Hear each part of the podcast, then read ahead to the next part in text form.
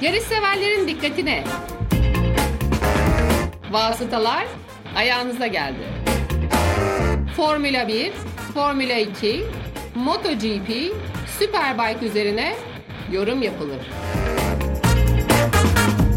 Barkın Kızıl ve Malisel Işık tarafından hazırlanır, hemen teslim edilir.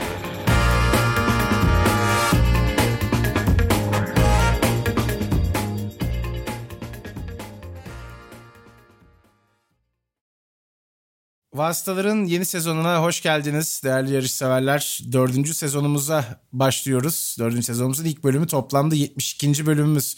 Yavaş yavaş 100 bölüme doğru gidiyoruz. Bu sezon 100 Hiç bölüm. de yavaş değil. Ya yani gelir bölüme. ya 100 bölümün sınırına gideriz herhalde Mali. Dalya. Dalya diyebiliriz bu sezon. Demeyebiliriz şimdi. Söz veremem. Ben az önce dedim en azından hani onu aradan çıkardık. Erken dedin. Bölümde demeyeceğiz herhalde 100. bölümde. Dalya kelimesini geçirmeyiz artık onu önceden söyledik. Ee, tabii bu bölüm herkesin malumu Drive to Survive geldi. Onu konuşacağız. Aynı zamanda sezon öncesi testlerini değerlendireceğiz.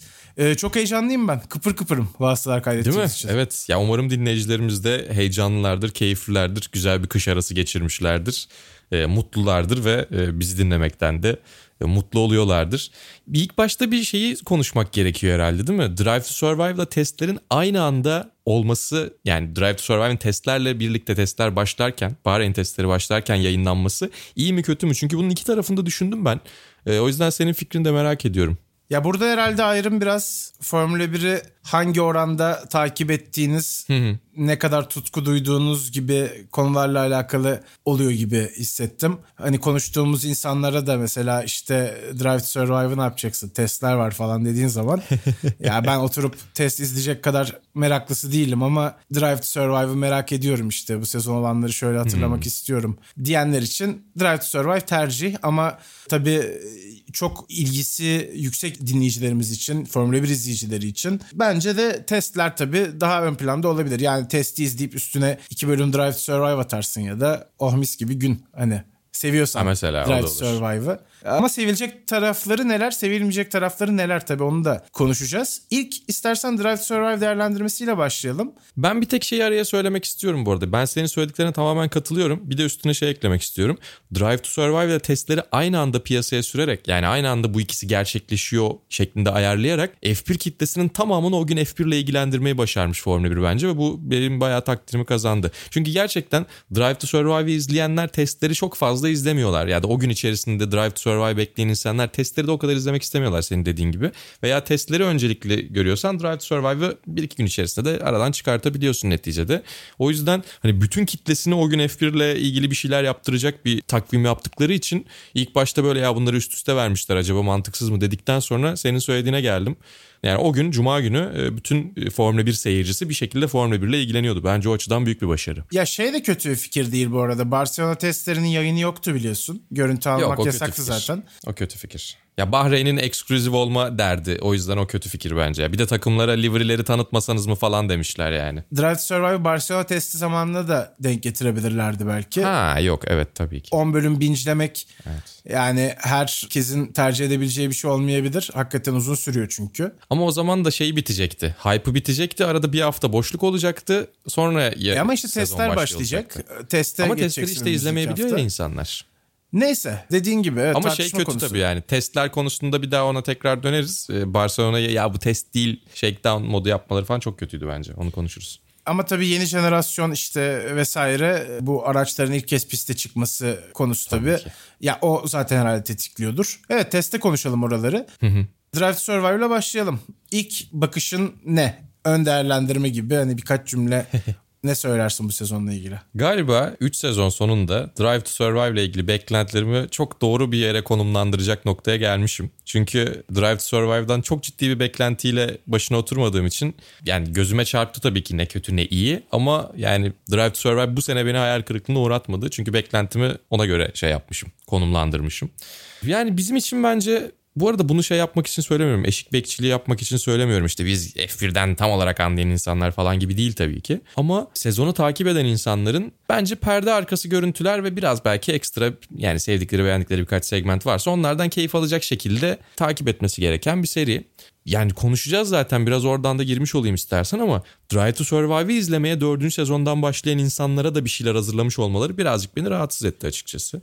Çünkü Will Buxton hala bize çok F1 101 şeyler açıklıyor. Evet o kadar ki zaten Drive to Survive'ı değil Formula 1'i dördüncü sezondan izlemeye başlayan izleyiciler için de yapmışlar. Ya evet bak Formula 1'i geçtiğimiz yılların itibaren izlemeye başlayacak olması insanların çok mantıklı bir şey. Ama her sene Formula 1'i baştan insanlara anlatamazsın bence. O bir süre sonra sıkıyor. Yani Drive to Survive'ı baştan sona şu ana kadar izlemiş olan insanlar bu sezonun başındaki, ortasındaki ve sonundaki Will Buxton her yerden çıkıyor zaten. O çok bariz açıklamalardan sıkılmışlar mesela. Ya şey vardı Will Buxton'ın şimdi caps'leri de dönmeye başlamış. Bu şey Döner abi, çok üstüne. Pole pozisyonu alıp ilk sıraya gelirseniz 19 araç sizin arkanızdan başlar diye bir cümlesi var. Artık o kadar da mı gerçekten yani Ya bu arada oraya Evet, bir ufak yıldız tabii. atıyorsun altına Sherlockler diyorsun. ya bu Monaco. artık bir tık bana abartı geldi yani bunu Evet. herkes biliyor. Tabii ki o kadar değil. Yani 20. başlarsanız da herkes önünüzde oluyor bu arada. Ya bir de bu arada bundan bu kadar şeysen yani yeni başlayacak insan şey yapmayacak diyorsan bir ekstra bölüm yaparsın. F1 101 yeni bir şey olduğunda ona eklersin yaparsın. O başka bir seri gibi mini bir şey yaparsın.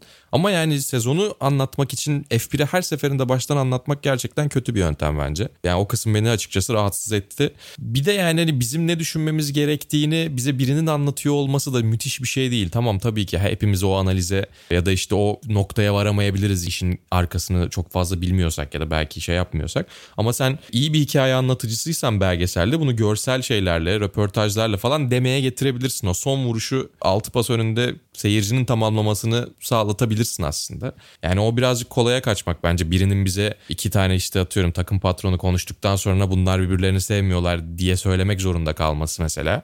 Bana birazcık şey geliyor. Yani Will Buxton bence çok gerekli mi? Ya da işte Will Buxton'ı daha farklı kullanabilirler mi? Bunun üstüne bir konuşmak lazım. Yani Will Buxton çünkü Tamam özellikle spikerlik döneminde GP2 anlattığı dönemlerde falan benim çok beğendiğim biriydi. Formula 1 ile birlikte çalıştığı için evet bazı konularda Formula 1'in yanında kalmak zorunda kalabiliyor. O yüzden eleştirilerimizi de çok fazla işin içerisine soktuğumuz oldu onunla ilgili. Ama iyi kullanırsan değerli olabilecek bir adam bir taraftan bence. Yani sadece spekülatif bir gazeteci gibi kullanmak da bence çok iyi gelmiyor bana o anlamda düşünürsek. Ya o rolden çok rahatsız değildir tabii ki ama bence Will Buxton'ı da daha iyi değerlendirebilme şansı var. Bir de dediğim gibi her sezon Formula 1'i baştan anlatamazsınız yani. Beni ne rahatsız ediyor biliyor musun en çok? Yani yarışlardan önce ya da işte sezonu kurgularken belki aslında narratifleri belirlemiş oluyorlar. İşte Mazepin'i Soçi'de anlatacağız diye. Şimdi öyle yaptığın zaman Lando Norris'in Soçi'de yaşadığı bu talihsiz durumu işte vazgeçmemesi, pit stop'a ısrarla çağırmalarına rağmen gitmemesi ve yarışı kaybetmesi hikayesini veremiyorsunuz. Yani bölüm bölüm konuşurken de onu tekrar hatırlatırız zaten. Ama o kadar Mazepin odaklı bir bölüm ki mesela Soçi'nin ele alındığı bölüm. Hiç neredeyse Lando Norris yok gibi bir şey. Sadece spin attığını görüyorsunuz.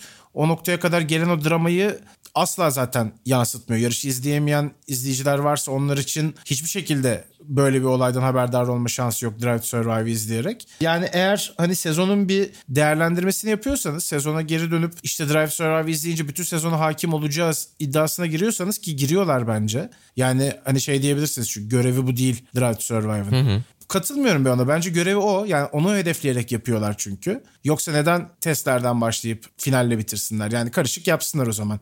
İşte ne bileyim Haas bölümü olsun. Öyle olsa daha iyi olur. Alfa Tauri bölümü bence? olsun vesaire. Ya benim için şöyle zaten bu Ya çekim o iddiadan ekipleri- uzaklaşırlarsa güzel olur bence. Bence ona göre e, pozisyon almaları lazım. Yani sonuçta çekim Evet. ekibi her yere gidiyor. Türkiye'ye de geldi biliyorsun. Senin harika postun da var. Netflix'ten lütfen açar mısınız kapıyı postu. E, gelmişsiniz. Şey Twitter linkini de vereceksin ki insanlar gidip like'lasın. bir an öyle bir şey zannettim. Teşekkür ederim. E, Like'layınız. Bu arada gerçekten çok gülmüştüm. Yani madem gidiyorsunuz her yere hakikaten görüntü alıyorsunuz ki eminim görüntüye ses aldıklarına yani kayıt yapıyorlar bence. Ama işte Türkiye seyahatinden ne çıkıyor? 15 saniyelik görüntü çıkıyor. Ben Türkiye yok diye eleştirmiyorum şu anda. Demek istediğim şey yaşananlar olup bittikten sonra bence hikaye anlatısını kurgulamak lazım. Önden Evet, değil. Çok çok çok doğru bir nokta bu. Evet bence de. Zaten bu çok eleştirilen bir kısmı anladığım kadarıyla. Yani bize gelen yorumlarda da ben görüyorum. İşte bu özellikle ikili rekabetler, mücadeleler konusunda çok fazla şikayetçi olanlar oluyor. Ya böyle bu kadar çekişme yok aralarında ya da bunlar doğal rakipler değiller. Hani ne anlatılıyor şu anda gibi. İşte geçtiğimiz sezonlarda seninle kayıt öncesinde de konuşuyorduk. Lando Norris ile Carlos Sainz belki arası en yakın olan ikili birbirlerinden hani sanki nefret ediyorlarmış gibi portreleniyordu vesaire. E bu da tabii problem. O yüzden bence hani bir kurgu çizgisi yaratalım onu takip edelim değil de sezon nasıl gidiyorsa onu şekillendirici bir unsur olarak kullanmak daha iyi olabilir bence tercih olarak. Evet ya onu yapması tabii ki daha zor. Çünkü ya çıkmazsa 10 tane ayrı hikaye gibi de bir durum var. Mümkün Pro, yani değil. prodüksiyon açısından bakıldığında. Ama bir taraftan şu anki Formula 1 sana sezon başına 20 tane falan hikaye çıkartıyor. Ya yapsan yaparsın gerçekten. Ya da bölüm sayısını azaltırsın, kısaltırsın ama en azından çıkan hikayeleri şöyle bir değerlendirirsin değil mi? Sezonun hikayesi diye saydığımız şeyleri biraz daha geniş bir şeyde, biraz daha işte yorumlarla, işin içerisindeki insanlarla ikna edebiliyorsanız tabii ki Drive to Survive'da olmaya bir taraftan perde arkası görüntülerle getirebilirsin. Senin dediğin gibi bak mesela olaylı ve çok böyle hikayesi olan sezonlarda bence o yüzden problem yaşadılar. 2020'de, 2021'de. Önceki sezonlar o kadar olaylı değildi belki ve o yüzden belki de zaten beklediğimiz bunu kesin işlemeleri gerekiyor dediğimiz şeyler çok fazla olmadığı için belki daha iyi gelmiş olabilir. Ama o dramatize etme şeyleri zaten ikinci sezondan itibaren böyle bir başlamıştı. Onu da zaten konuşmuştuk daha önceki ikinci sezon değerlendirmesi bölümünde. Bence o yüzden şey yani senin dediğine katılıyorum ve Drive to Survive'ın gideceği yönü net belirleyip ona doğru bir şey yapması gerekiyor. Yani en büyük kırılma noktası olacak eğer çok daha ileriye doğru güzel bir adım atacaklarsa. Ben atacaklarını da düşünmüyorum bu arada. Yani biz Zorunda da değiller tabii ki ama yani ama- atarlarsa iyi olur gibi diyoruz. Hı hı. Çok umursadıklarını da sanmıyorum. Bence yaptıkları işten memnun olsalar gerek. E öyle işlevini de yerine getiriyor aslında. Eğer amacın hiç Formula 1 ile alakası, motorsporla ile alakası olmayan insanları bu işin seyircisi haline getirmekse bence o işi yapıyor. Ama insanları atıyorum hiç izlemezken veya bir ara izleyip bırakmışken tekrar spora kazandırıyorsan ve onlar bu sefer iyi izlemeye başlıyorlarsa bu sefer sana tekrar geri dönmeyebiliyorlar. Yani çok kısa bir dönem içerisinde Drive to Survive seyircisi yapabiliyorsun. Eğer artarak devam eden bir ilgi varsa daha önce işte dediğim gibi yeni seyircinin veya geri dönen seyircinin Formula 1 ile çok haşır neşir oluyorsa seni tekrar izlediğinde Drive to Survive'ı çok fazla tat almayabiliyor. O yüzden biraz daha bence takip eden seyirciye yönelik bir şeyler sıkıştırabilirler araya. Yoksa yaptıkları şey bence şu açıdan güzel. Formula 1'in içerisine girmesi, izlemesi, takip etmesi zor bir spor olmadığını, bu işin teknik konularına %100 hakim olmadan da bu işin izlenebileceğini göstermek açısından bence büyük bir kapı açtı. İnsanların gözünü korkutabilecek şeyleri biraz kenara itti. Ee, o açıdan başarılı bir iş yaptılar. Ama yani birazcık özenli olduğunu gösterecek şeyler yapmak çok çok zor değil bence. Yani biz bu işi en azından özenli yapıyoruz deseler eksik olan şeyleri de biraz daha göz ardı edebilirsin belki bilmiyorum. Özensiz bir iş değil. Kesinlikle işe yarayan bir iş. Dediğim gibi ben beklentilerimi 10 üzerinden 5.5-6 civarına sabitledim. O yüzden bu sene hayal kırıklığı yaşamadım. Ama orijinal hızında da izlemedim onu da söyleyeyim. Birazcık hızlandırarak izledim. yani Ben öyle, öyle yapmadım Ee, ama ben itiraf edeceğim orijinal hızıyla izlemedim baştan yani sona çok yorum yapmıyorum bu konuyla ilgili. Şöyle o zaman istersen biraz bölüm bölüm de gidelim. Artıları eksileri de tabii konuşacağız. Yeri geldikçe istersen ekleyelim. Hani şöyle bir Olur. ön bakış yapmış olalım. Sonrasında bölümlerin içine biraz daha yediririz eleştirilerimizi. Olumlu ya da olumsuz ki olumlu eleştirilerimiz de olacak yani. Onu da söylemek lazım. Var var. Kesinlikle kayıp bir Drive to Survive sezonu değildi. 2020'ye sinirlendiğimiz kadar sinirlenmedik Yok yani buna. kesin kesin sinirlenmedik. İlk bölüm aslında işte bu az önce bahsettiğim sezonu hikaye haline getirme kurgusuyla açılıyor. Çaylakların takımlarına gelmesi, işte sezon öncesi testleri zaten. Burada tabii Mercedes'in biraz fazla zayıf resmedildiğini ben gördüm. İşte Bottas araçtan şikayet ediyor, Hamilton spin atıyor. Bu sonradan biliyorsun seslendirilen bir spiker var. Yılların mevzusu zaten 4 sezondur devam ediyor. İşte Mercedes topu düşürdü diye bir yorum var. Hani şey diye çevirelim Türkçe'ye. Bunlardan olmaz. Çuvalladı. Bunlardan olmaza gelen evet çuvalladı. Ama testlerde Tabiri de var. öyle düşünüyorduk bu arada. Yani Mercedes bu tabii ki bir şeyler yapıyorlardır diyorduk da testlerde öyle bir tereddüt vardı ilk yarış hafta sonunun öncesinde bence. O kadar spekülatif olmayabilir yani. yani sonuçta biliyorsan Mercedes'in toparlayacağını da tahmin ediyorsun. Çünkü geçtiğimiz yani 2020'nin aracıyla çok farklı olmadığını bildiğimiz halde bu kadar fark herhalde yoktur diyorduk. Ama bence orası o kadar kötü gelmedi bana ya. Yani ne alaka gibi. Çünkü o arada bir, o bir, bir haftalık süre içerisinde de Mercedes çok fazla gelişim yaptı ya. Ya bana biraz şey geliyor. Mesela işte bu kadar içeriden bakan bir iş yapıyorsanız sanki bana şunu söylemesi gerekiyor gibi geliyor. Çünkü herkes Mercedes'in toparlayacağını bilmiyor ya sonuç olarak. Biraz daha basit hani bilgilere sahip insanlar da takip ediyorlar bunu madem. Şey denebilir evet Mercedes zayıf başladı ama zaten Mercedes birkaç sezondur hep zayıf başlıyor. O yüzden onlar gibi bir işte devi son sezonlara damga vurmuş sürekli olarak dominasyonunu kurmuş bir takımın nasıl geri dönebileceğini biliyoruz da biraz vermesi lazım bence. Yani Ha, çok doğru o kadar drama evet, sosuna da gerek yok gibi düşünüyorum. İkna oldum ben şu anda evet. Yani şey gibi değil. Eyvah ne olacak falan gibi değil de Evet, evet. tabii ki öyle görünüyor ama bir taraftan da işte iki taraflı anlatsalar zaten çoğu şeyi belki daha derli toplu olacak. Tamam haklısın katılıyorum buna.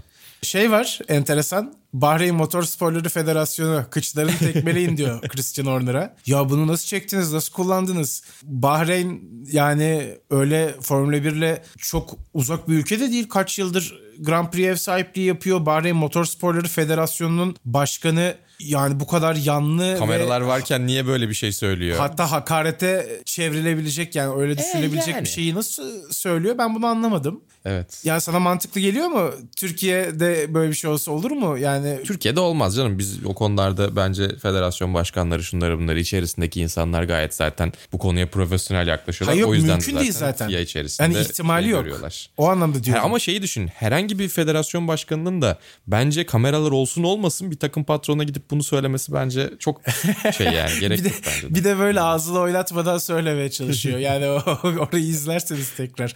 Böyle Kafayı çak- azıcık kaldırsa bu söylüyor. mikrofonu ağzının içine kadar girmiş halbuki abinin yani. İnanılmaz ya orası. Çok enteresan gerçekten. Yani İşte bak perde arkasında ama. güzel şeyler yakalamışlar yine mesela. Evet, evet kesin, kesin. Yine işte bu kuralların anlatıldığı kısımlar var. Onu not almışım ilk bölümle ilgili. Bunu her bölümle ilgili not aldın mı peki? Onlar olacak Kopyala belli ki. Yok, baştan çünkü hani izledikçe not alıyorum ya sonuçta. Evet evet. Sonra bıraktım. Dedim evet yani, bir, süre, evet, bir süre sonra bıraktın herhalde. Bu her bölümde var. Nasıl olsa dedim. O şekilde açılıyor ilk bölüm. Ya fena değil. İlk bölüm klasik bir ilk bölüm zaten. Aslında hep sezon başını anlatıyor. O yüzden ilk bölümle o şekilde vedalaşalım. Geçtiğimiz sezonun ilk bölümü kadar testleri dramatik anlatmamışlardı değil mi? Evet o bir artı bence. Evet. Testlerin sıralama turu gibi bir e, spikeri olması falan. En hızlı turu aldım falan gibi bir şey yok bence bu sefer. A- aynen öyle. yani. Aynen öyle. Zaten şimdi testlerde de konuşuruz aynı konuyu. Sonuçta Aynen, testler evet, konuşacağız. nihai bir fikir vermiyor. Yani cumartesi günü ilk Nihai sıralama Şumayr. seansına çıkılana kadar şey yapamıyorsunuz. Aa testlerde çok iyi. İşte o zaman Haas'ın bu sezon şampiyonluğa mı oynuyor diye bir fikir vermesi gibi bir şey olur. Olmaz. O, o olmaz yani. Bence de. Bence de. Geçelim ikinci bölüme. McLaren ve Daniel Ricciardo. Tabii McLaren'ın bu serinin sevilen takımlarından bir tanesi olduğunu biliyoruz. Ricardo zaten çok seviliyor. Evet her zaman odaktadır. Ricardo'nun katılmasıyla da beraber McLaren'a.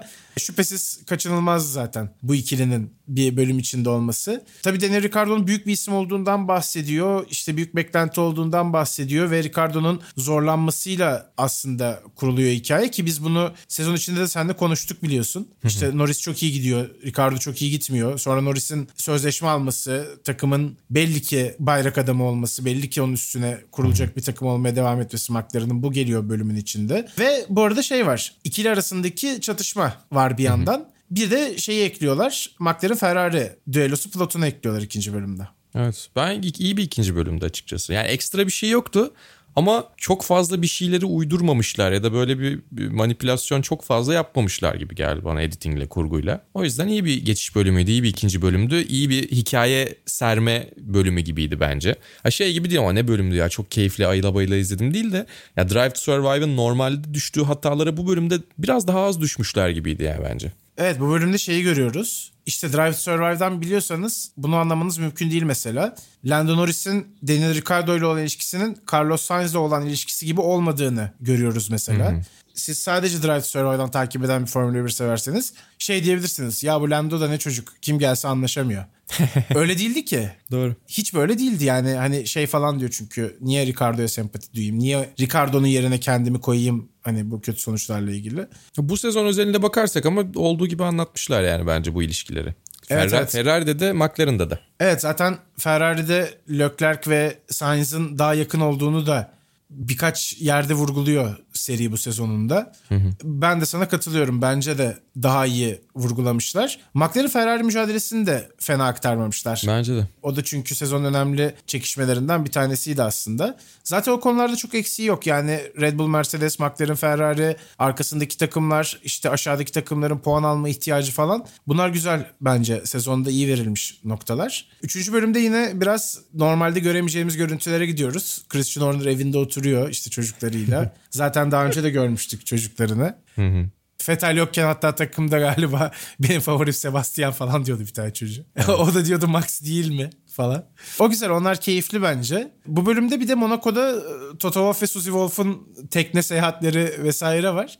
Bugün de bir haber okudum. Christian Horner şey demiş. Acaba demiş 10 sene sonra da Toto buralarda olacak mı yoksa süper lüks yatında geziyor mu olacak? O takımı uzaktan yönetmeyi seven bir isim demiş. Yani hayat tarzı farklılığını vermeye çalışmışlar mı sence? Ne dersin bu konuda? Biraz daha evde oturan evcimen bir Christian Horner ve Monaco'da Yani. süper lüks marinada gezen Wolf çiftiyle alakalı. Ya o kadar büyük bir kontrast yok aralarında. Kontrastta oynamaları fena değil ama yani iki çok zengin, iki çok ayrıcalıklı insanın daha farklı bir şekilde bu lüksü yaşama tercihi olabilir en fazla bence. Çünkü Christian Horner'ın da yani bir Spice Girl'le evli olduğunu efendime söyleyeyim atlara binerek falan sohbet muhabbete yani ikisi de lüks hayat birisi çok kalender böyle sadece şey falan değil neticede. Evet tabii. Ya Christian Horner da şeyi sevdi yani Toto Wolff'le atışmayı sevdi. O yüzden bence onun üstüne oynuyor olmasında bir sakınca yok. Bize de güzel malzeme çıkıyor. Ama bir süre sonra şeye de dönecek mi bilmiyorum. Yani Toto Wolff'ten karşılık bulması gerekiyor. Geçtiğimiz yıllarda güzel karşılığını bulduğu için karşılıklı bir atışma gördük de. Umarım Toto Wolff cevap vermemezlik yapmaz. Öyle olursa biraz şey durur çünkü. Kafayı taktı gibi olur. Ona da dikkat etmesi gerekiyor bence. Yoksa Christian Horner hep bir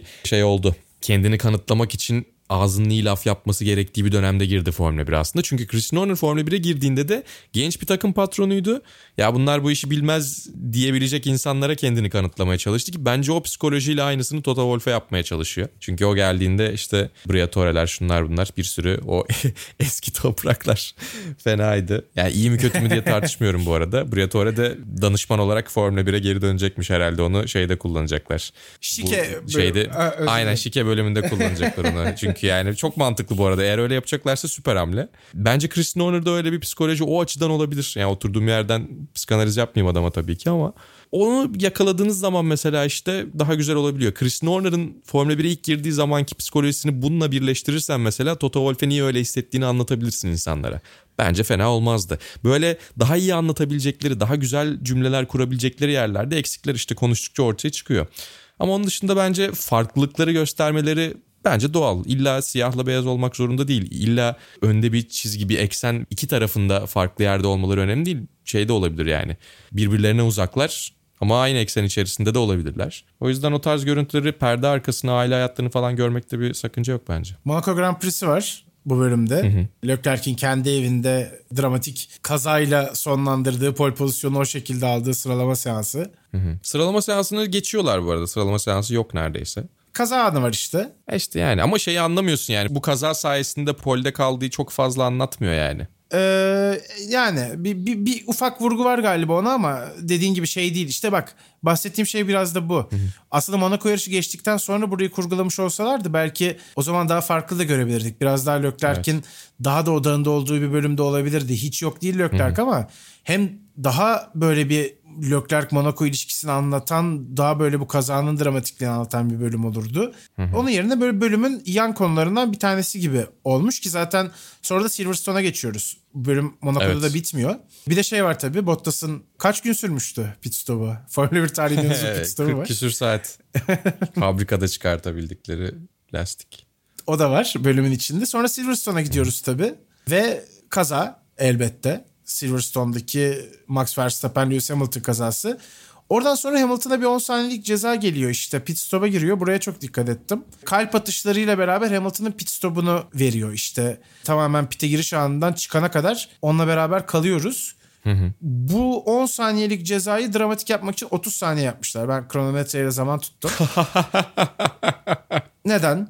Neden? Yani tam 10 saniye Alevler olsa içinde bence saatlerce kalan Roman Grosjean diyorsun yani. Evet evet şey bariyere girmeden önce küfür savuran radyo tuşuna basıp Roman Grosjean. Ee, gereksiz. Gereksiz. Yani bir sonraki bölümde de konuşacağız orayı bu arada. 30 saniye biraz fazla dramatize etme oluyor bence. Ki bence 10 saniye olsa aslında şey olarak da güzel olur. Anlatı olarak da güzel olur. Ne kadar zaman kaybettiğini tam olarak o sessizlik içinde pilotla Evet. beraber 10 saniye bekleyerek vermek bence daha doğru bir tercih olabilirmiş. Onu diyecektim. Bak sen onu 10 saniye verebilirsin ama izleyiciye 10 saniyeden daha uzun sürmüş gibi hissettirebilirsin. Aynen mesela. öyle. Aynen öyle. 30 saniye uzatmak işin daha kolayı. Evet o zaten kaçınamıyorsun. Ama onun dışında bence Silverstone'u da güzel vermişler. Ya Drive to Survive standartlarında çok büyük bir şey görmedik yani açıkçası. Sonra dördüncü bölüm Süttirol'de açılıyor zaten. Orada anlıyorsunuz Günter Steiner bölümünün geldiğini ki bir klasik zaten. Her sezonda var biliyorsun. Evet. Dağa tırmanıyor usta arkadaşlarıyla beraber. Çok beğendim o. Trekking görüntülerine bayıldım yani. Çok güzeldi bence. Yapar mısın böyle bir etkinlik? Yapmam. Ben de yapmam. Muhtemelen yapmam. Yani na- nasıl bir şey olduğuna bağlı açıkçası. Yani hani trekking bilmiyorum olabilir aslında o kadar karşı değilim. O tarz bir parkur- bunu kurgulamam. Yani Steiner'in tırmandığı gibi bir parkur. Zaten yaparsak öyle bir parkur olması lazım bence. Ama şöyle yani durup dururken organize etmem bunu ama böyle bir etkinliğe yandan girebilirim. Çok güzel manzara çünkü yani. yani orada olmak istedim o anlamda. yanından da girilecek gibi bir şey değil. Yani ya gidiyorsun ya gitmiyorsun. Yok Yani yine, bir yere kadar yine aynı patikada tabii ki. Yani işte ayakkabı bulun geleyim şeklinde. Hani belki trekking ayakkabısı varsa fazla halı sahaya gider gibi öyle bir şey yapabilirim. Ama normalde zaten çok kamp insanı değilim. Sıfırdan böyle bir şeye girilebilecek bir durum değil ama herkesin yapabileceği tarzda bir patikaysa manzarasına rağmen orada olmak isterim yani açıkçası. Evet. Ya bu pek öyle patikada değil bu arada. Ben biraz izlerken bile gerildim. Hani bazı yerlere hakikaten korkunç gözüküyor. Ama iyi belli ki Günter Steiner bu konuda. Zaten oranın çocuğu biliyorsun. Evet tabii. belli ki bu şekilde büyümüş zaten. Ve çok güzel rahatladığını anlatıyor. Kendisini ifade ediyor işte. Formula 1'den uzaklaşıyorum.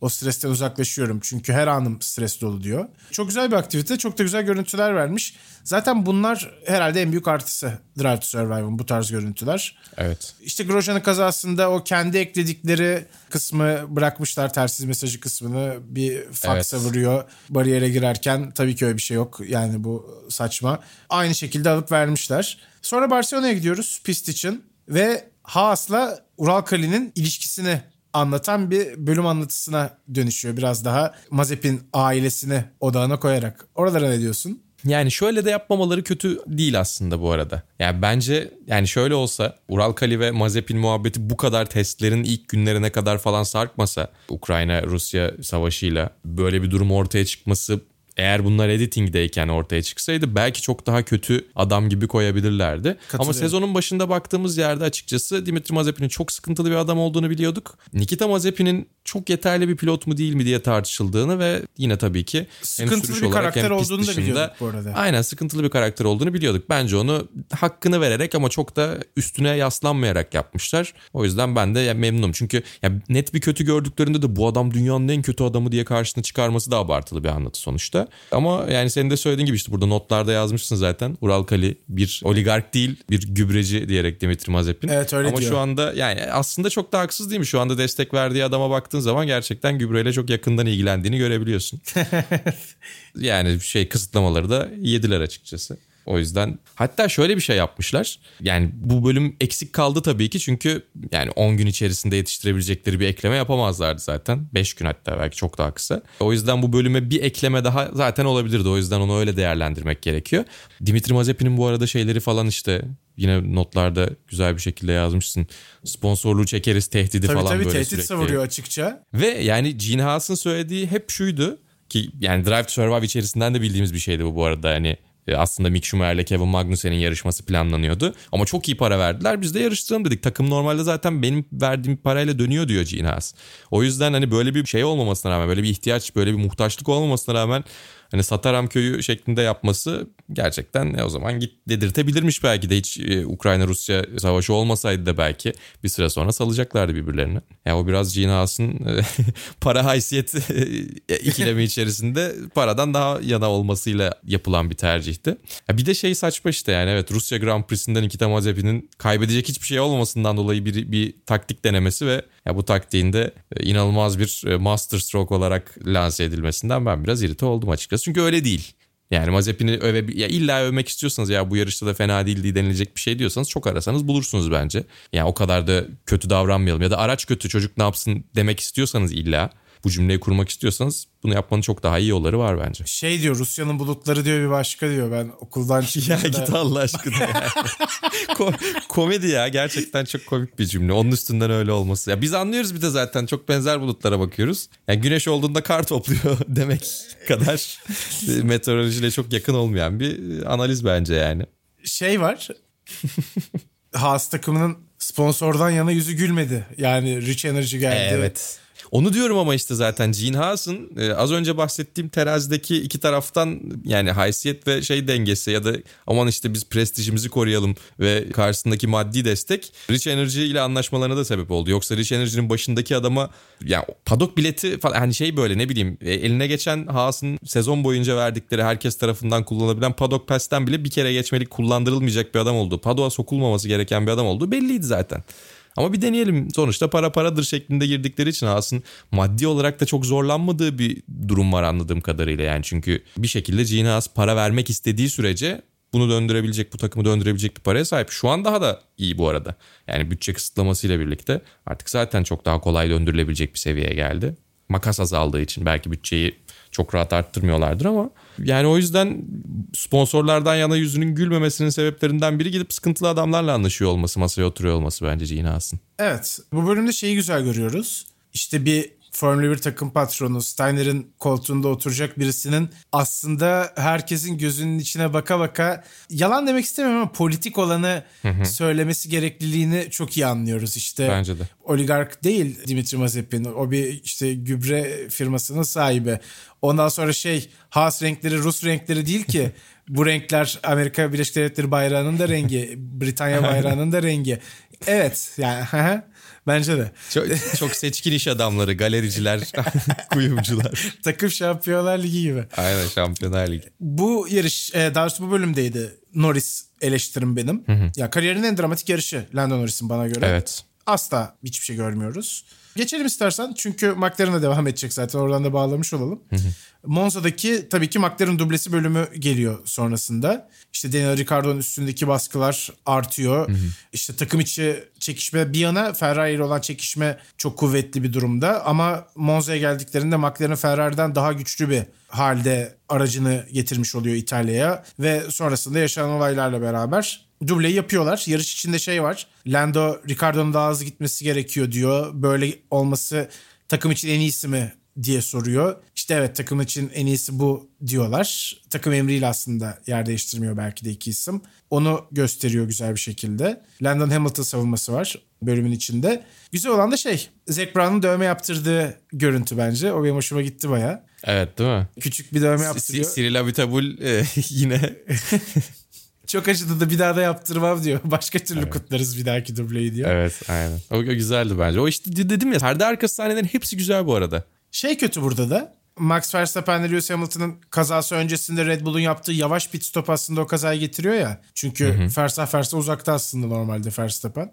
O yok yani. Bu sezonun kırılma anlarından bir tanesiydi. Hiç yok sıfır. Evet. Red Bull normal bir pit stop yapmış gibi görüyoruz. Evet. Orayı da eleştirebilirim 5. bölümle ilgili.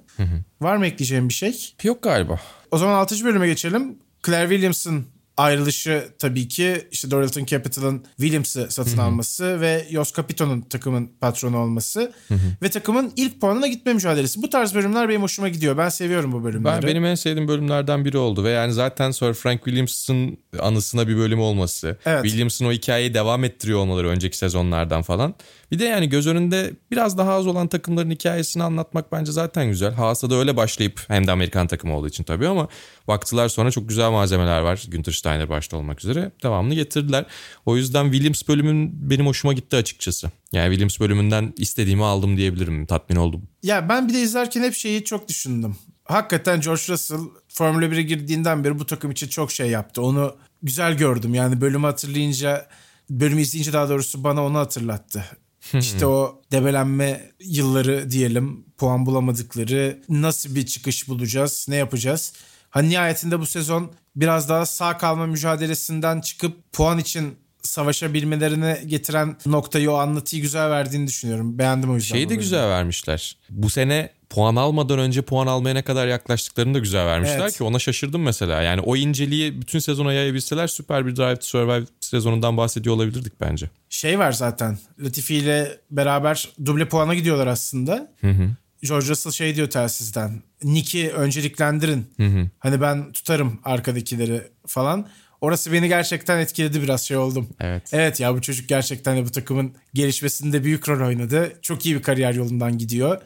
Ve hakikaten de aslında geldiği noktadaki hedefini bırakmadan da gitmedi Williamson'ı bana söyletti. Gerçekten puanları topladılar. Sondan çıkarttı takımını. O şekilde devam etti yoluna. Onu bana düşündürdü. O yüzden güzel bölümdü bence. Ardından Yuki Tsunoda bölümü herhalde ikimizin de favorisi olabilir. Olabilir. Yuki Tsunoda bu sezona dair en iyi şey kesinlikle. Evet kendimi gördüğüm bir isim Yuki Tsunoda inanılmaz gerçekten. Biraz takım telsizindeki mesajlar belki çizgi aşıyor olabilir. Hani oradan antipatik bulabilirsiniz. Öyle bir açıdan bakıyorsanız. Ama onun Ya Formula dışında 1'in filtresiz birine ihtiyacı gerçekten var. çok komik ya, Ya- süper yani. Evet yani Kimi Raikkonen'in filtresizliği var ama onunki daha hak edilmiş bir filtresizlik. Bu saatten sonra bana kimse bir şey yapamaz gibi. Ama yeni gelen birinin bu tarz e, ayarsızlıkları bence çok güzel ki perde arkasında çok daha ayarsız biri olması benim çok ilgimi çekti açıkçası yani. Çok da komik bir karaktermiş. Tahmin ettiğimiz kadar varmış yani hatta fazlası varmış. Evet zaten şeyde de güzel bir ilişkinin içinde. Bu Red Bull ve Alfa Tauri sürücülerinin birlikte yer aldığı video serileri var. Çeko falan acayip takılıyor Yuki Tsunoda'ya yani. Ona da çok elverişli bir isim. Güzel oluyor. Onları izlemek de zevkli oluyor Tsunoda'nın bu karakteri sebebiyle. Şey falan da çok komikti. Liam Lawson'ın abi eve ne yapmışsın bu ev, bu evin haline falan defesi. Zaten biliyorsun PlayStation'a bağımlı yaşayan biriydi Tsunoda. Evet. Yani evet kendi, Faenze'ye kendimi taşınınca gördüğüm kısımlar var maalesef. Franstos, Franstos da evet onu Faenze çağırıyor. Orada da böyle bir film sahnesi gibi değil mi şey? İşte sabah antrenmana çıkıyorlar diyor bir tuvaletimi yapabilir miyim diyor. Hayır diyor mesela şey. Evet, evet. Antrenörü kendisinin. Güzeldi yani çok eğlendik Güzel, iyi hakikaten. bir bölümdü evet. Şey de Favori güzel vermiş. olabilir ya. Gerçekten İtalya'ya gittikten sonra çizgisinin yükselmesini de iyi vermiş. Yani sezona hızlı girmişti Ya bence. küçük hikayeleri güzel anlatıyorlar zaten. Bak küçük hikayeleri anlatılmak zorunda olmayan hikayeleri bence zaten Netflix güzel anlatabiliyor. Şey bizim çok fazla bir şey bilmediğimiz veya işte biraz daha arkada kalan, arka planda kalan hikayeleri güzel anlatıyorlar. Bunu kesinlikle iyi anlatmanız gerekiyor. Bunu iyi bir şekilde ağırlık vermeniz gerekiyor denilen hikayelerde çuvallıyorlar bence. Bak bu son bölümde söyleyeceğim aslında. Yani? Evet ona getireceğim zaten. o, evet. orada orada bağlayalım hani bu konuyu. Onu konuşalım kesin. Bu arada şey var. Macaristan'da Esteban Ocon'un aldığı yarış galibiyeti var. Ama Alonso'nun savunması yok mesela. Evet, orada. yani yok. Alonso ile hikayesi açısından çok güzel olabilecek bir şey. Onu 30 saniyede göstersen süreden de yemez. Ee, o Alonso'nun savunmasıyla o galibiyet çok daha değerli hale gelebilir aslında. Hamilton tek başına aldığı start var ama onun dramatizasyonu yok mesela. Çok acayip bir görüntüydü. Evet. Komik de bir görüntüydü bence. Bir daha görmeyeceğimiz belki bir görüntüydü bayağı bir süre. Çok vermemiş. Hani olabilir gibi böyle bir şey. Sanki çok normal bir şey gibi ki değil. Dediğin gibi Alonso savunması da olmayınca çok bağlanmıyor ama biraz daha işte Gazi Suno'da Ocon Alonso ikilisinin çarpışması Alonso diyorum. Alpin ve Alfa Tauri'nin mücadelesi üstünden de anlatmış bölümü. Böyle bir bölümdü. Ardından tabii geçtiğimiz sezonun önemli gündem maddelerinden bir tanesi. Mercedes'teki ikinci koltuk kimin olacak? Bu konuyu ele alan George Russell ne zaman açıklanacak olarak da bilinen. Aynen öyle. Aynen öyle. Bu bölümdeki Russell Bottas kazası kısmıyla ilgili ne düşünüyorsun? Bence güzeldi ama daha fazla perde arkası isterdim ben ya. Orada çünkü arkada neler olduğunu bilmeyi çok istiyordum. Ama biraz anlatıyorlar. Şey diyor. Bottas Biraz anlatıyorlar işte ama tam böyle her şeyi yani bilmiyorum o an içerisinde o hafta o birkaç gün içerisinde falan belki o kadar diplerinde gezmemişlerdir de ya daha iyi olabilirdi gibi sanki bilmiyorum. Şeyi beğendim. Bottas'ın açıklaması kısmı var. İşte ilk başta iyi miyim diye kontrol etmeye geliyor gibi zannedebilirsiniz ama aslında küfrede küfrede geldi. Hani bana tepki vermeye geldi gibi ama o da çok geri durmuyor. Hemen orta parmağı kaldırıyor Bottas da Russell'ı görünce. Enteresan bir çekişme. Ya Russell'la Bottas var, birbirinin rakibi değil. Onu da söyleyeyim. Ben o olayın aa bu Bottas, aa bu Russell bu birbirimizin önünü iyi kapatalımdan ziyade yarış kazasına çekilebilecek bir an olduğunu da düşünüyorum. Evet. Ya isimler olması baharat katıyor ama o iki isim karşı karşıya geldiği için kazanın patlak verdiğini düşünmüyorum. Biraz öyle gibi anlatıyor. Ama o pilotlar öyle düşünüyor olabilirler gibi. En azından Russell tarafı öyle düşündüğü için onu anlatıyor. Bence onda çok bir sıkıntı yok. Evet haklısın haklısın. Öyle ikna olabilirim. Will Buxton'ın garip bir yorumu var burada. Will Buxton'ın bir yorumu var yani. En hızlısı değil diyor ama her hafta sonunda kaza yapmıyor diyor. Ya burası da her hafta sonu kaza mı yapıyor? Bir de yani istiyorsa yapsın. Hızlı Ama doğru değil ki bu. her hafta kaza yapsa orada yer alamaz ki zaten yani. E, işte sonra Silverstone'da Bottas'ın takım emrine hemen uyması falan işte Bottas takım oyunculuğunu anlatıyor aslında. Hamilton kazanmış oluyor böylece. Ve ardından da Spa'daki olaylı hafta sonu zaten yağmur. Evet. George Russell'ın inanılmaz sıralama performansı ve Toto Wolff diyor ki bir kötü bir iyi haberim var. Kötü haber Lewis Hamilton'la kapışacaksın ama iyi haber Mercedes süreceksin diyor önümüzdeki yıl. Böyle bir bölüm. Ya şöyle zaten burada anlatılması gereken şeyin biraz daha şu anlamda eksik kaldığını da düşünüyorum ben. Valtteri Bottas'ı Lewis Hamilton'ın şampiyonluklarında ona yardımcı olması için takıma aldıklarını çok acayip bir şey olursa da Mercedes adına şampiyonluk kazanabilecek bir durumda olması için onu çalıştırdıklarını, onu takımda tuttuklarını daha doğrusu. Aynı zamanda George Russell'ı da Lewis Hamilton'dan öğrenebileceği kadar öğrendikten sonra Hamilton bıraktıktan sonra Mercedes'i şampiyon yapacak pilot olarak takıma aldıklarını anlatmak gerekiyordu bence. O ayrımı çok net görmedim ben.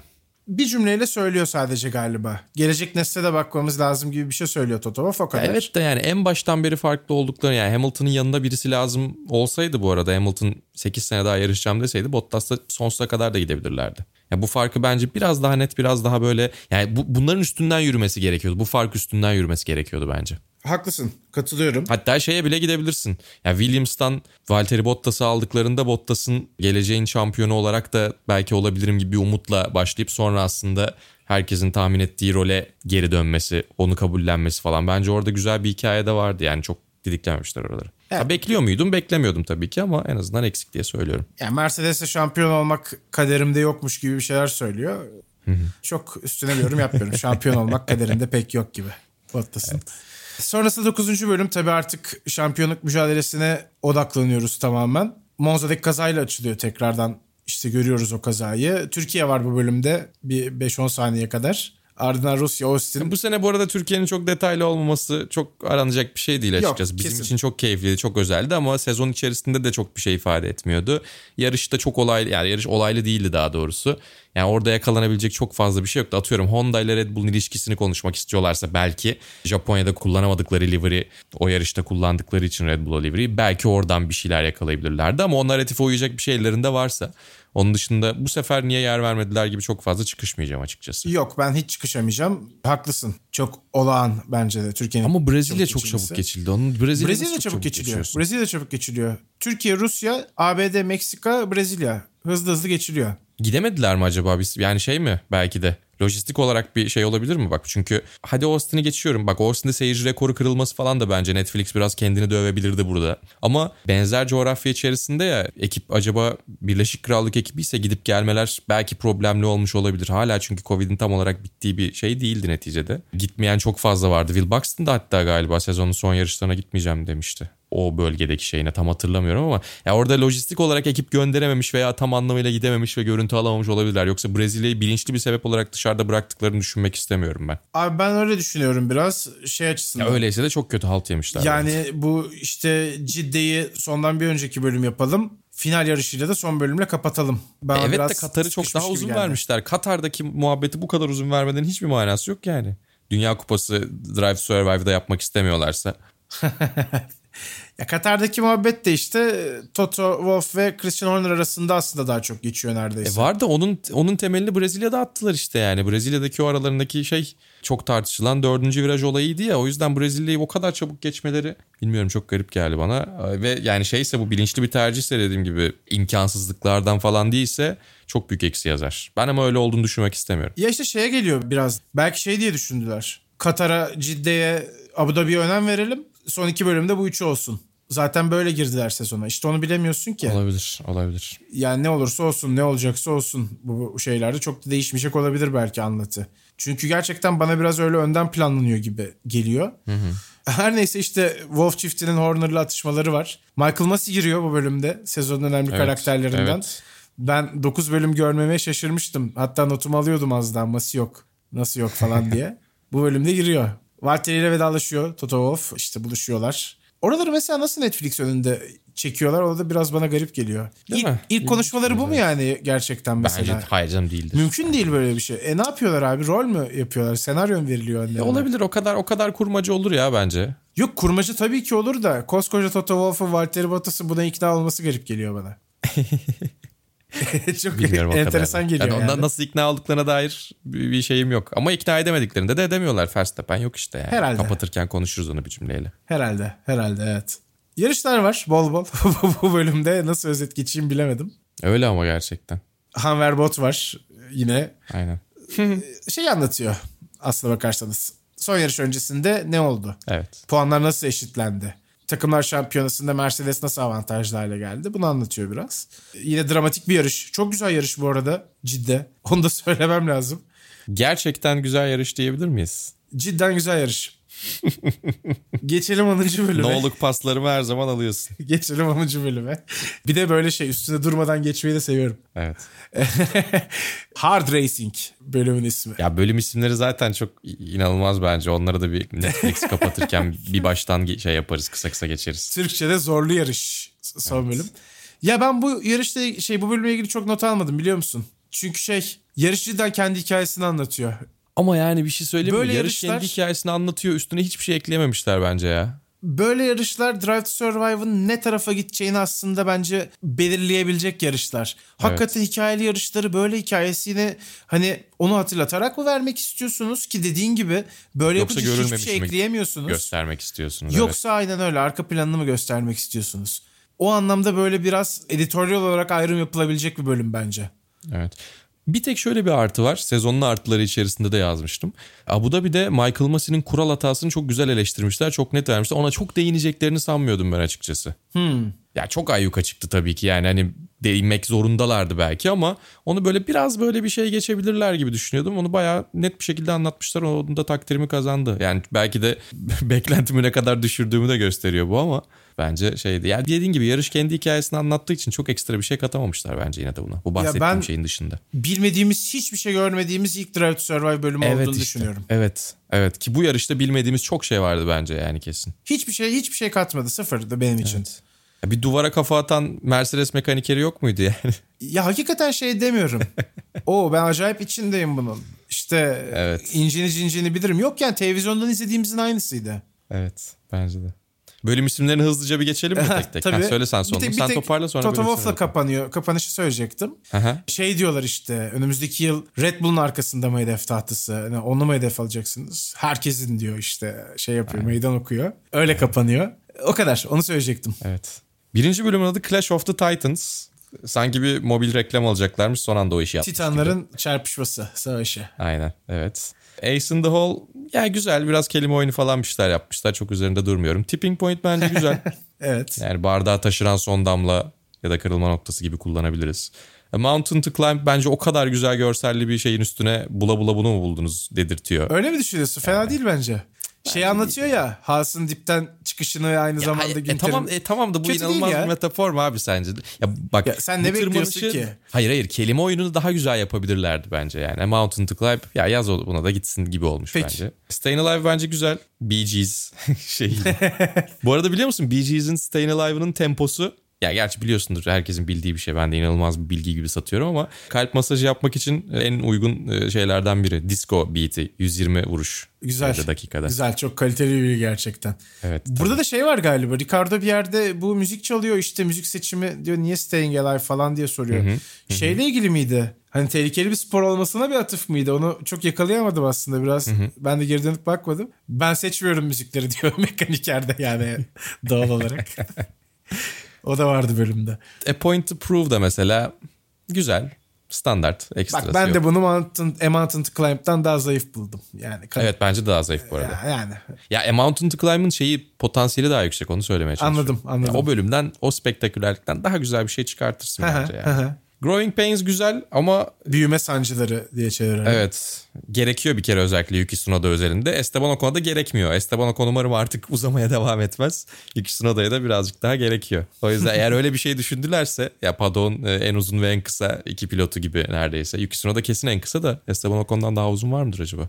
Albon'la falan da aşağı yukarı aynı boydalar diye. George Russell daha uzun olabilir mi acaba? Olabilir. Onların hepsi 1.80 üstü. Çok eski zamanlarda görmediğimiz boylardı. 1-2 görüyorduk genellikle ama 1.80 üstü çok var artık. 1.83-84'e yakın çok var. Ezbere o yüzden bilmiyorum açıkçası. Yanlış bir şey söylemeyeyim.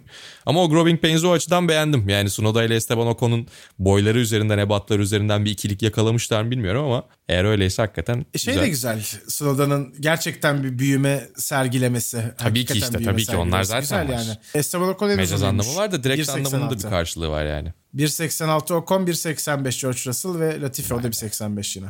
En uzun Ocon muymuş yani? Evet evet. Güzel. Dances with Wolf. Kurtla danslar. Kurtlarla dans yerine. Tabii Toto Wolff'a gönderiyor doğal olarak. E, Güzel. Yani bunu bunu bence birkaç evet, sezondur yap. Yani iyi dayandılar bence dördüncü sezona kadar. Evet bence de katılıyorum. yani. 37 bölüm iyi geldiler. Bence. Son iki bölüm Gloves Are Off ve Hard Racing bence kötü. Çok kötü. Son iki bölüme uydurmuşlar gibi olmuş. O, olmamış. AI'ye seçtirmişler. Random Generator'a seçtirmişler. evet hele hard racing yani sıkı yarış.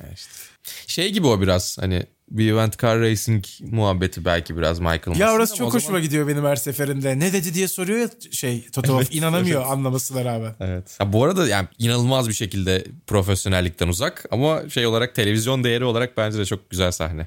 Evet çok garip yani. Bir de Almancasını söylüyor yanındaki yardımcısı.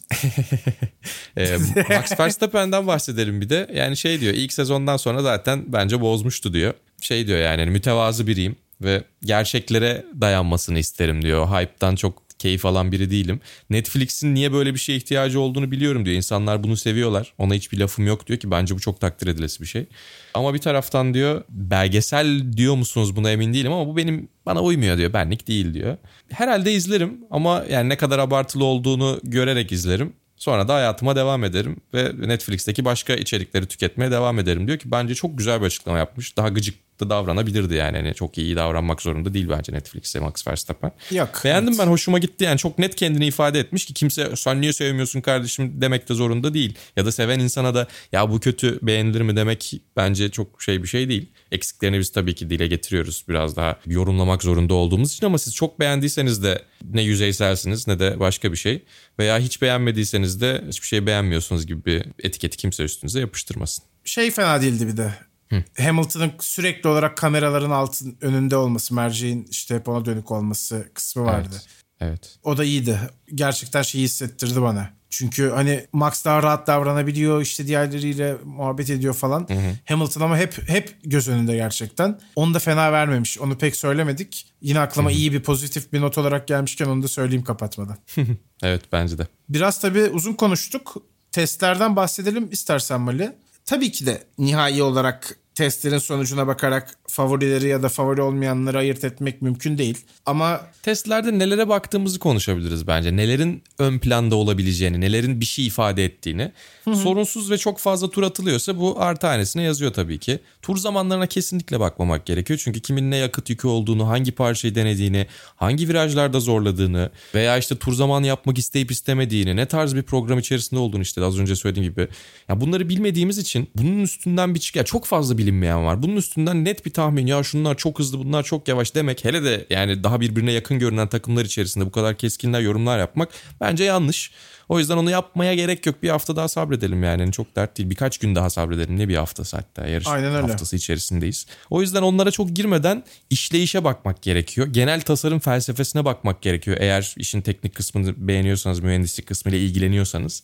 Ve biraz onlar üzerine bir şeyler söyleyeceğiz ama ya bu hızlı, bunlar sürünecekler, bunlar alıp götürecekler gibi bir şeyi yani belki tahmin edebilirsin ama ya kimlerin önde olacağını az çok tahmin edebilirsin. Tamamen eşit değil yani oranlar tabii ki. Ama yani ne olacağını da sıralama turlarında göreceğiz hatta bak cuma antrenmanlarında dahi görmeyeceğiz. Evet doğru söylüyorsun. Bence de öyle. Ama yine de tabii bazı fikirler de veriyor. Mesela Ferrari'nin artık sanki üçüncülükten ziyade liderlik savaşına katılabileceğini gösteren veriler de yok değil. Sadece tur zamanları için konuşmuyorum. Ve beni çok da şaşırtmadı biliyor musun? Yani aslında iki sene önce İki senedir hazırlanıyorlar. iki sene önce söyleseler tamam diyecektim. Şaşırırdım. Derdim ki yok ya mümkün değil. Bu Binotto yönetimiyle de çok E, Evet olacağını sanmıyorum. bizi biraz endişelendiriyordu 2020 sezonunda ama yani o başarısızlık bir taraftan ya şey değildi yavaşlar ama tamamen 2020'ye odaklanıyor 2022'ye odaklanıyorlar değildi mesela. İşleyişte de sıkıntılar gördüğümüz için Ferrari'yi biraz daha aşağıya koyuyorduk ama toparlamış görünüyorlar ve Binotto da gayet özgüvenli bayağı istediği mutlu olduğu bir yerde gibi şu an. An. Ferrari'nin tasarım olarak da biraz farklı bir sidepod tercih ettiğini söyleyelim. Kendi içerisinde bir oyuğu olan bir sidepod tercih etmişler. Farklı tasarım felsefelerini görmek de bence çok güzel oldu yeni araçlarla. Evet. Ve genellikle hız olarak iyilerdi ama dediğim gibi onu çok ikinci, üçüncü plana atıyoruz. Tur sayısı olarak da gayet iyilerdi. Onun dışında zaten iyi bir pilot ikilisi var ki sen bana bir soru soracaksın zannediyorum. Aa, evet onu konuşalım demiştim. En iyi pilot ikilisi kimde ya da böyle bir ilk 3 sıralaması, ilk 5 sıralaması yapsak nasıl koyarsın diye. Ferrari önde görüyorsun sen. Evet ben Ferrari'yi Mercedes'e kıyasla bir tık daha önde görüyorum. Çünkü George Russell'ın bir alışma süreci olacak. Ve şu anda ya Prime'ında ya Prime'ına çok yakın iki yetenekli ve hızlı pilot Ferrari'de. O yüzden bence yani ortalama olarak bakıldığında bence Mercedes'ten bir adım daha öndeler. Ben Charles Leclerc'in biraz fazla iyi çocuk rolünü benimsediğini düşünüyorum. O şekilde şampiyon olmanın çok kolay olmadığını düşünüyorum. Yani Yok ya bence öyle Bu değil. şampiyon olamaz dirseğini demek değil. çıkarması gerektiğinde çıkarır bence. Carlos Sainz de öyle. çıkardığını görmedik. Ya Sainz'in daha çok çıkardığını gördüm ben açıkçası. E, ama şeyi düşün. e, Monza'da Hamilton'a yaptığı savunma bence onun bir emaresi. İstediğinde yapabileceğinin göstergesi Evet evet bence. kesin kesin. Ya da, Zaten bak ya da şöyle potansiyelsiz düşün. demiyorum. Verstappen'le, Verstappen'le Red Bull Ring'de olan mücadelesi de bence benzer. Evet doğru söylüyorsun. Ama sürekli olarak da bunu yapabilir. Gerçekten Max Verstappen'in yaptığı tutumunu eleştiriyoruz ya. Çok agresif. Hakikaten Evet. Bazen Ama geçen sene o işe yarıyordu. Lewis Hamilton'a karşı öyle o çalışıyor. O çalışıyor bazen de. getiriyordu. Evet. evet, o çalışıyor bazen. Belki onu daha fazla da yapabilir diye düşünüyorum. Orada da biraz fazla kaza yaptığını düşünüyorum işte. O dengeyi kurması lazım Evet. bence. Evet. Hani küçük bir yorum öyle yapabilirim. Ben Mercedes'te görüyorum en iyi pilot ikilisini bu arada. Oradan onların height potlarına da geçeriz istersen. İnanılmaz ya. Ya bu sidepodsuz tasarım muhabbeti Craig Scarborough'ın bir e, şaka çizimiyle başladı. Daha doğrusu yani başladı değil de e, ilk konuşulmaya orada başlandı. Alpine'in pilotun üstündeki o airbox, e, pilotun kafasının üstündeki hava girişinin geçen sene de büyük oldu. Bu sene bunu biraz daha büyütüp sidepodları komple elimine edip edemeyeceklerini şöyle bir fikir egzersizi olarak düşünüp bir çizim ortaya koymuştu. Sonra bir ara şey oldu. Alpine acaba sidepodsuz bir tasarımla mı geliyor falan. Çünkü bir de Alpine'den de şey sesleri çıkıyordu böyle. Biz acayip ilginç bir şey deniyoruz haberiniz olsun. El plan mel plan falan da diyorlardı ya. Ya çok bence Ucu bir yere gitmiyormuş galiba plan bu arada. Evet Evet. ama bu felsefeyi takımların hepsi bir değerlendirmişler. Red Bull'da Ferrari'de biz de bunu denedik ama yani düşündük daha doğrusu ama denemedik dediler. Bir de şöyle bir şey var. Barcelona'daki testlerde aracın iç dinamiğini daha doğrusu aracın iç yerleşimini arka taraftaki o paket yerleşimini hiç bozmadan daha geniş bir sidepodla turlarını atıp Bahreyn'e sadece gövde kısmını değiştirerek böyle gelebilmeleri de çok ilginç. Zaten çok sıkı bir paket olduğundan bahsediliyordu Mercedes'in sidepod kısmının. Yani o yüzden bakalım nasıl olacak ama aracın e, sıkıntıları var. Yani işleyiş anlamında da sıkıntıları. Belki dayanıklık anlamında değil ama yani pilotların rahat hissedebilmesi, potansiyelini çözebilmek açısından sıkıntıları var. Ama tabii ki Mercedes boşuna 8 yıldır şampiyon olmuyor. Sezon içinde çözeceklerdir. Aracın ayarını iyi yapabilmek, aracı açabilmek, unlock edebilmek zaten geçtiğimiz yıl onları sezonun bir yerinden sonra inanılmaz bir atılıma götürmüştü. Bence bu sene de aynısını yapabilirler. Red Bull gayet hızlı ve dayanıklı görünüyor ama yine göreceğiz tabii ki. Yani Red Bull Ferrari ile birlikte zirvede gibi yazılıyor şimdilik. Hatta Ferrari'nin önüne yazanlar da var. Ki tabanının Ee, işte- dezavantaj işte getirebileceği yoktu. söyleniyordu aslında araçlar piste çıkmadan İşte önce. bilmiyoruz Pek öyle yani. olmadı gibi duruyor. Newey hariç hiçbirimizin gözünde Matrix gibi akmıyor bu hesaplamalı akışkanlar dinamiği. O yüzden piste çıkınca birkaç yarış sonra falan bu kararlara varsak çok daha iyi olur bence. Doğru doğru kesin katılıyorum. Evet. McLaren Yani çok parlak problemler mesela işte. Evet. Evet bak problemler yaşayanlar daha çok kendisini belli, Belli ediyor. oluyor. Alfa Romeo için de aynısını herhalde söyleyebiliriz. Evet yani Onlar da- McLaren'ın ön frenlerden şikayetçi olması, bunları çözememeleri, vakit kaybetmeleri, gelen parçanın dahi fabrikadan parça getirttiler. Onların da benzer problemler yaşaması falan bence çok büyük problem. Ya böyle bir şeyin olabiliyor olması yani hani sezonun başlamasına bir hafta kala. Daniel Ricciardo'nun Covid olması bir risk. Bizim şu anda bunu kaydettiğimiz gün içerisinde henüz yarışıp yarışmayacağı belli değil ama herhalde yarışır dediler. Olmazsa yerine Oscar Piastri yarışacak. O da ilginç bir hamle.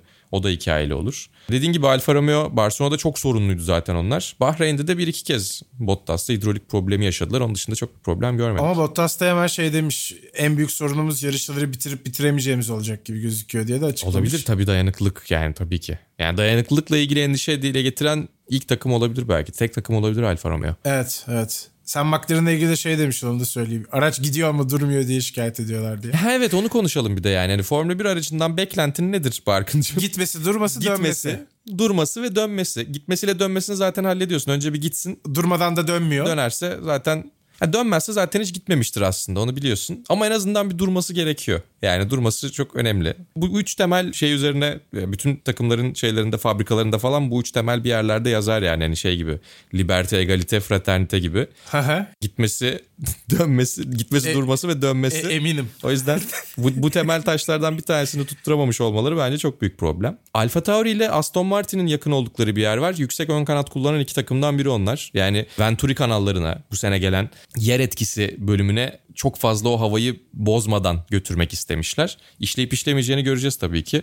E, Alfa Tauri için çok bir problem yoktu. Onlar da sorunsuz bir test geçirdiler açıkçası. E, Aston Martin bir de bunların üstüne büyük sidepod kullanıyor. Herkesten daha farklı. Onların ciddi bir sorunu yok ama doğru yere gittiler mi tasarım konusunda emin değiliz. Dan Fallows da hala konuşamıyor tabii ki. Red Bull'dan onlara geldi ama henüz tasarımla alakalı input verebilecek bir şey de değil. Anladığım kadarıyla hala onun zorunlu emeklilik şeyi devam ediyor. Çünkü şey muhabbeti döndü bir ara. Dan Fallows aracı gördüğünde bir şey söyleyememiş ama yüzünü buruşturmuş diye bir haber çıktı. Böyle hiç haberin gelmediği günlerden birisinde böyle en ufak spekülasyona bile tutunuyorsun ya. E, belli olmaz tabii ama Fettel e, geçtiğimiz iki haftayı zorlu olarak nitelemiş. O yüzden onlarda da öyle bir geçtiğimiz yılki gibi zorlanma olabilir. İlerleyen yıllarda zaten sağlam bir temel oluşturuyorlar ama bu yılda dişlerini sıkmak zorunda kalabilirler. O da tabii ki sabrı birazcık azaltır mı?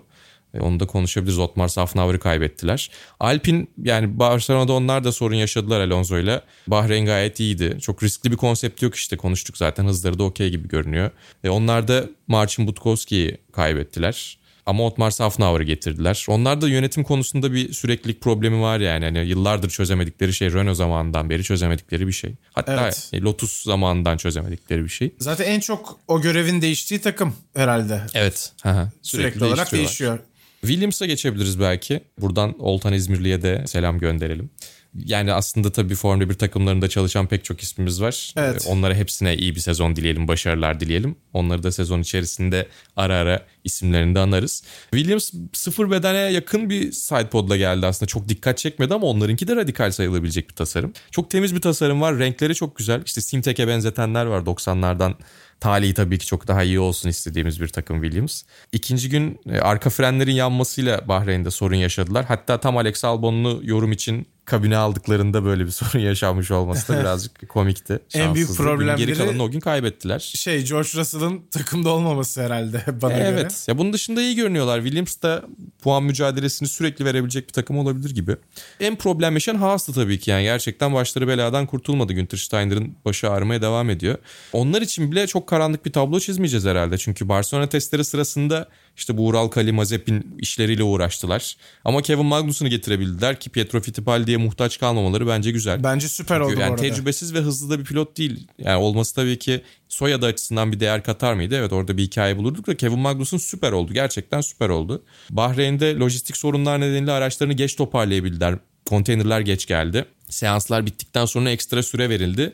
Hızları da iyi ama tabii yakıt yükünü bilmiyorsun. O yüzden tur zamanlarına da bakmak gerekmiyor bence. Evet ama Mick Schumacher'in de çok iyi turu var. Yani şey o da var. bence dipte sürünmekten belki uzaklaştıklarına ışık tutabilir. İşaret edemez Bence ama. Bence zaten bu sezonla ilgili en büyük beklentimiz ya zinhar bunlar puan alamaz diyeceğimiz takım olmaması evet, ve birden fazla öyle. yarış kazanabilecek takım olması. Galiba Bunları öyle. karşılayacak bir sezon olacak. E, herkesin puan alabilme şansı olursa da acayip güzel çekişme olacak orada. Valla güzel gözüküyor. Yani heyecanla bekliyoruz. Sezonun tamamen artık o havasının içine de girdik. Hı hı. Vassalar da geldi. Daha ne olsun diyorum ve Daha ne olsun. dördüncü sezonun ilk bölümünü bu şekilde de kapatalım. Güzel bölüm oldu. Uzun uzun konuştuk. Sezon boyunca sizle beraber olmaya devam edeceğiz. Ben Barkın Kızıl, Malis Erişik'le beraber. İlk yarıştan sonra tekrar görüşmek üzere diyelim. Hoşçakalın. Hoşçakalın.